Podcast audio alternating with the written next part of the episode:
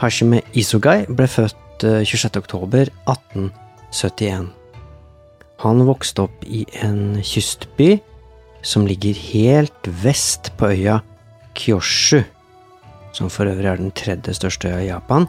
Den ligger helt sør, hvis vi tenker oss eh, å se for oss disse øygruppene som utgjør Japan, så er det den sørligste øya. Og helt vest på denne øya så ligger det en liten by som heter Nobeoka. Eller det vil si liten og liten. Det, I våre dager så bor det omtrent 130 000 mennesker der.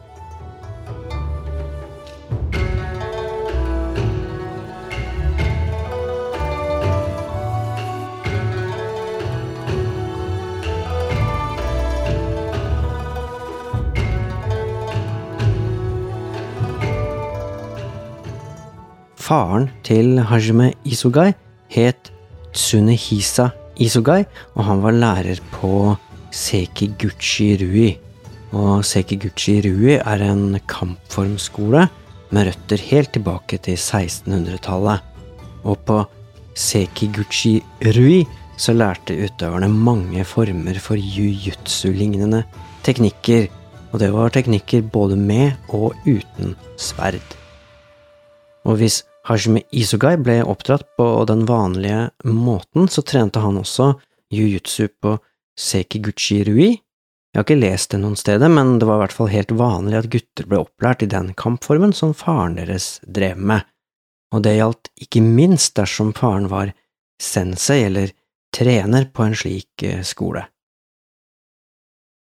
Så da Hajime Isogai flyttet eh, nordover til Tokyo som 20-åring, så hadde han helt sikkert allerede trent masse jiu-jitsu allerede.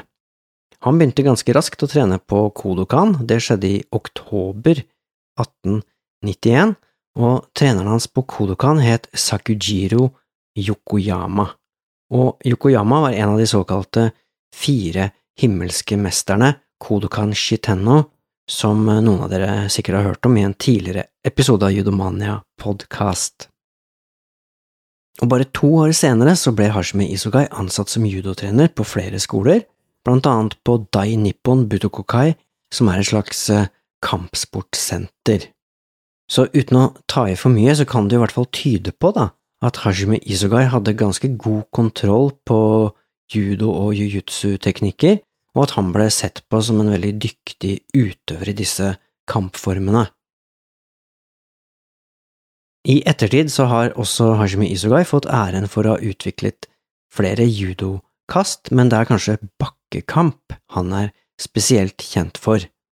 Fordi, som noen av dere vet, så eh, slåss man eh, enten stående eller eh, liggende nærmest på bakken i judo.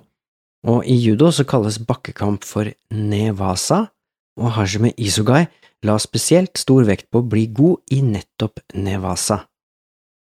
Og det var ikke sånn at han bare hadde et spesielt talent for bakkekamp, men hans hovedmotstander i mange av turneringene som ble avholdt på den tiden, var Mataimon Tanabe, som kanskje var den aller, aller beste jiu-jitsu-utøveren i Japan på denne tiden. Tanabe var ekspert på bakkekamp, og han vant stadig vekk over utøverne fra denne nye judoskolen som het Kodokan. Og disse to utøverne, Isogai og Tanabe, kjempet flere ganger mot hverandre, og i 1899 så gikk de to turneringer mot hverandre, altså to kamper da, i to turneringer, og begge ganger så ble kampene dømt uavgjort. Hashime Isogai så seg ikke fornøyd med dette her på noen som helst slags måte, han ble veldig opptatt av å forbedre bakketeknikkene sine. Han hadde nemlig kjent på kroppen hvor effektivt Tanabe slåss på bakken. Det var nemlig sånn at Isogai gjerne ville holde seg oppreist og prøve å kaste Tanabe, mens Tanabe helst ville dra motstanderne ned på bakken og slåss der. Og når de først kom ned på bakken, så var det veldig vanskelig, merka Hajime Isogai, å unngå å tape. Så etter disse to turneringene var overstått, så la Hajime Isogai inn masse energi på å bli bedre i bakkekamp, og han trente spesielt mye med en som het Kaishiro Samura, som var ekspert på denne typen teknikker og på denne måten å gå kamper på. Det var også sånn at Yigoro Kano tok kontakt med Tanabe og spurte om noen av hans egne judoutøvere kunne ta en tur til skolen hans for å lære mer om bakkekamp. Og det kunne de så absolutt, og i løpet av ganske kort tid så ble bakketeknikkene på Kodokan betraktelig mye bedre. Og da Tanabe og Isogai møttes til en ny kamp året etter, i år 1900, så var det helt tydelig for alle som så på, at Isogai hadde forbedret alle bakketeknikkene sine. Han var faktisk nær ved å vinne kampen, men dommeren dømte likevel resultatet som et uavgjort resultat. Og ifølge noen judokilder jeg har lest, så var dommeren en bekjent av Tanabe, altså konkurrenten til Isogai, og han skal derfor ha dømt flere avgjørende situasjoner i kampen til fordel for Tanabe, selv om det egentlig ikke var noen god grunn til å gjøre det. Uansett så hadde Hajime Isogai fått øynene opp for at bakkekamp var helt sentralt for å kunne vinne kamper. Og det er nettopp derfor eh, jeg starter denne episoden med å fortelle om Hajime Isogai, fordi han ble viktig i utviklingen av en konkurranse- og treningsform som heter kosen judo, og det er nettopp kosen judo det skal handle om i dagens episode av Judomania. Jeg heter Arne Midtlen, og du hører altså på Judomania, som er en podkast om judo, kampsport og selvforsvar. Og her fokuserer jeg spesielt på historikk, kultur og kjente og ukjente personer, først og fremst fra Japan og Asia.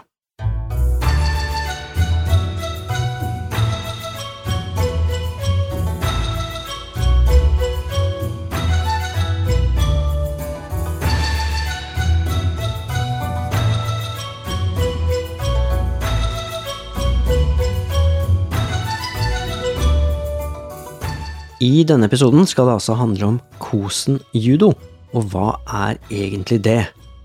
Og for å kunne svare på det spørsmålet, så skal jeg først forklare ordet kosen. Kosen er en forkortelse for Koto Senmon Gakko. Koto Senmon Gakko, som gjerne blir oversatt med teknologisk høyskole. Og disse skolene har elever i alderen fra 15 til omtrent 20 år. Elevene går på Koto Senmon Gakko i fire til fem år, litt avhengig av utdanningsprogrammet. Det er omtrent 60, jeg tror det var 62 eller 63 slike skoler i Japan, og de aller fleste av dem fokuserer på å utdanne ingeniører. Elevene som begynner her, har altså gjennomført det som tilsvarer grunnskolen i Norge, og i Japan så er det da først seks år på barneskolen, og så tre år på ungdomsskolen. Og etter å ha gjennomført grunnskolen så velger veldig mange et utdanningsløp som ligner på det norske, da er det tre år på videregående skole og så omtrent fire år på høyere utdanning. Men det er også mange som velger denne femårige Koto Senmon Gakko i stedet for ordinær videregående skole. Så Koto Senemon Gakko, altså det som forkortes til Kosen, må kunne kalles en slags yrkesrettet eller utvidet eh, videregående skole. Og det er altså kort om begrepet Kosen, det har altså med skole og utdanning å gjøre.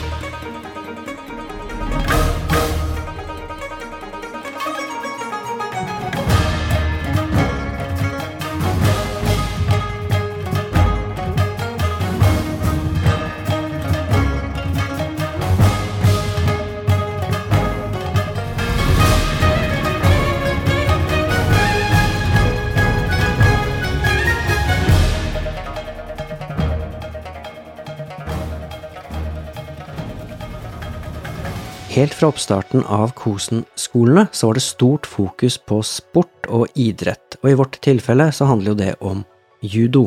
Og på disse tekniske utdanningsprogrammene så ble det utvikla egne regler for judokonkurranser.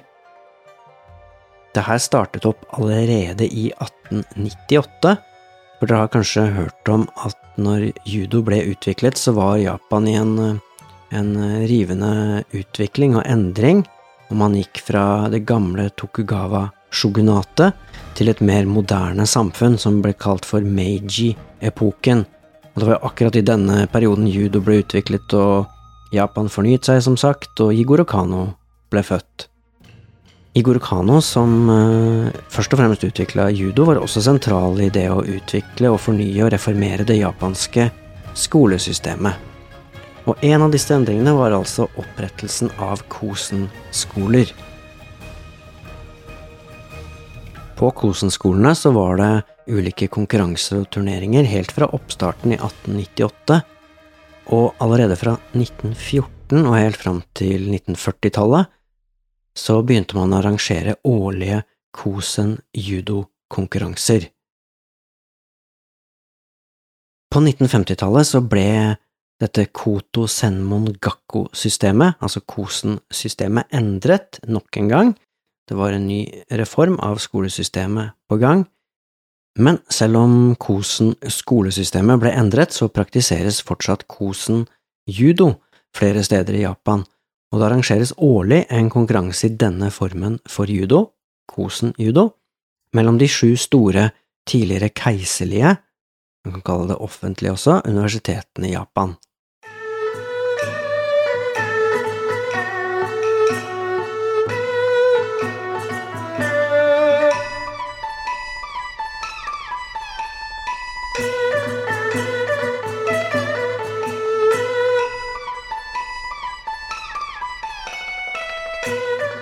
Men hva er så Kosen judo for noe? Kosen judo er en form for judo som har et litt annet sett med regler enn det vi bruker i den vanlige konkurransejudoen. Og hovedforskjellen er at Kosen judo åpner for mer bakkekamp. Mye mer bakkekamp. Og i praksis så betyr det at utøverne får bedre tid til å jobbe med teknikkene når kampen foregår på bakken. Det legges stor vekt på at utøverne skal få tid og anledning til å gjennomføre teknikker.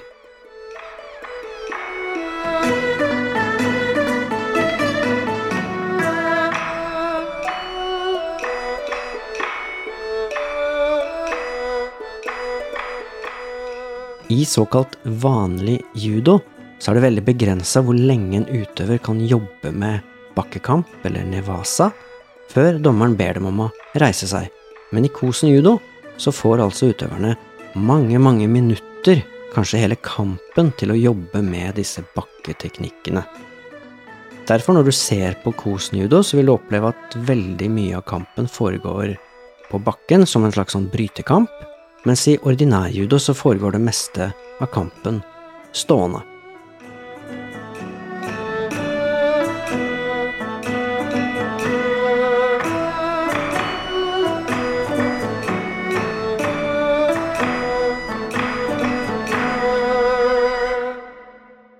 De andre variasjonene av reglementet handler om sånne ting som at det er lov, fortsatt, til å gripe benet til motstanderen fra en stående posisjon, og så er det noe som ikke har vært lov eh, i judo så lenge jeg har drevet med judo, og det er nemlig det å trekke motstanderen ned i bakken uten å prøve å kaste vedkommende.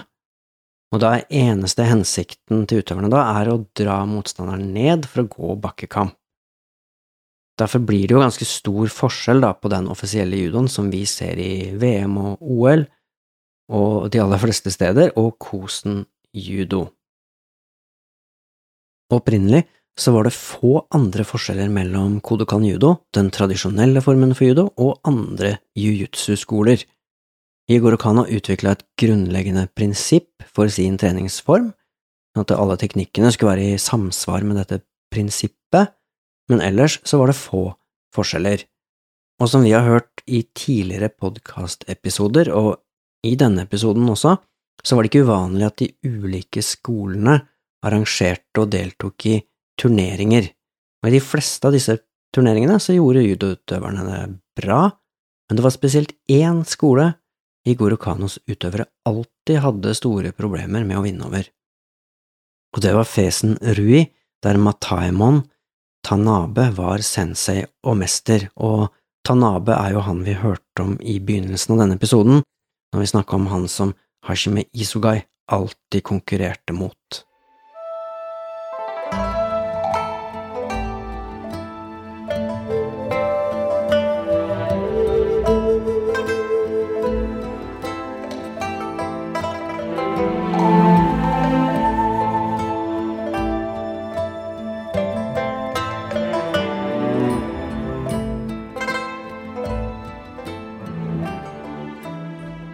På den tiden her så var ikke reglementet og teknikkene like tydelig definerte som i våre dager, og kampene, spesielt bakkekampene, kunne være ganske voldelige. Dommerne stanset ikke utøverne sånn uten videre, det var sånn at den ene gjerne måtte gi opp før kampen ble stoppa. Og det kunne føre til at mange ble alvorlig skadd, nettopp fordi ingen ville tape verken ansikt eller kampen. I og med at kampene gjerne endte opp på bakken, så var det viktig for Igor Kano å utvikle denne delen av judo, og som vi hørte, så sendte han flere av sine beste utøvere og trenere til Mataimon Tanabes uh, jiu-jitsu-skole for å lære det her. Og de lærte det ganske raskt, og det tok ikke lang tid før Igor Kanos judo var fullt på høyde med de andre skolene når det gjaldt bakkekamp.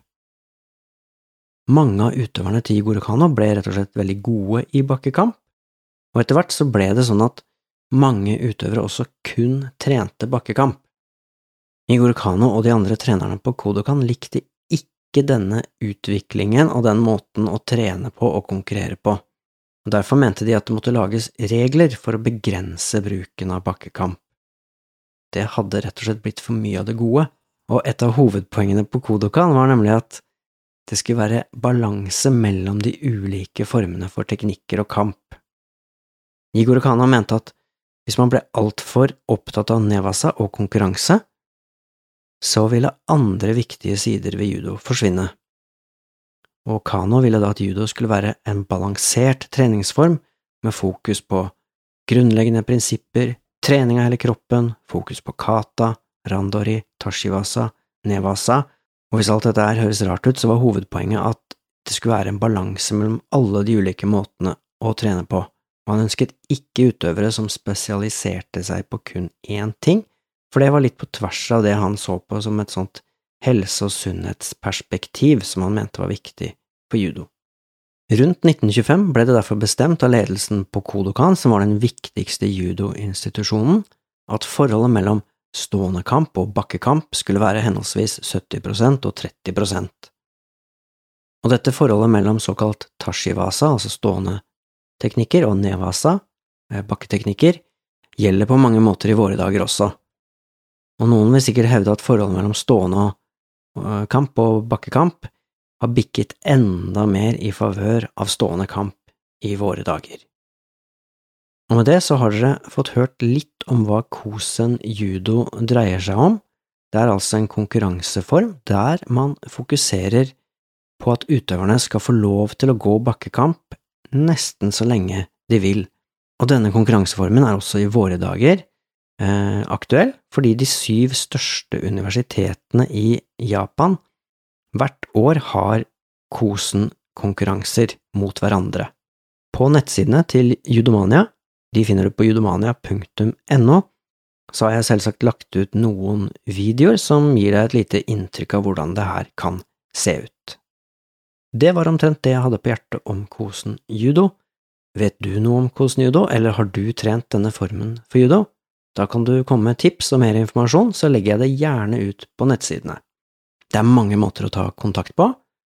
Prøv gjerne å sende en lydmelding via nettsidene judomania.no podkast. Det var alt for denne gangen, takk for at du hørte på, ha det bra.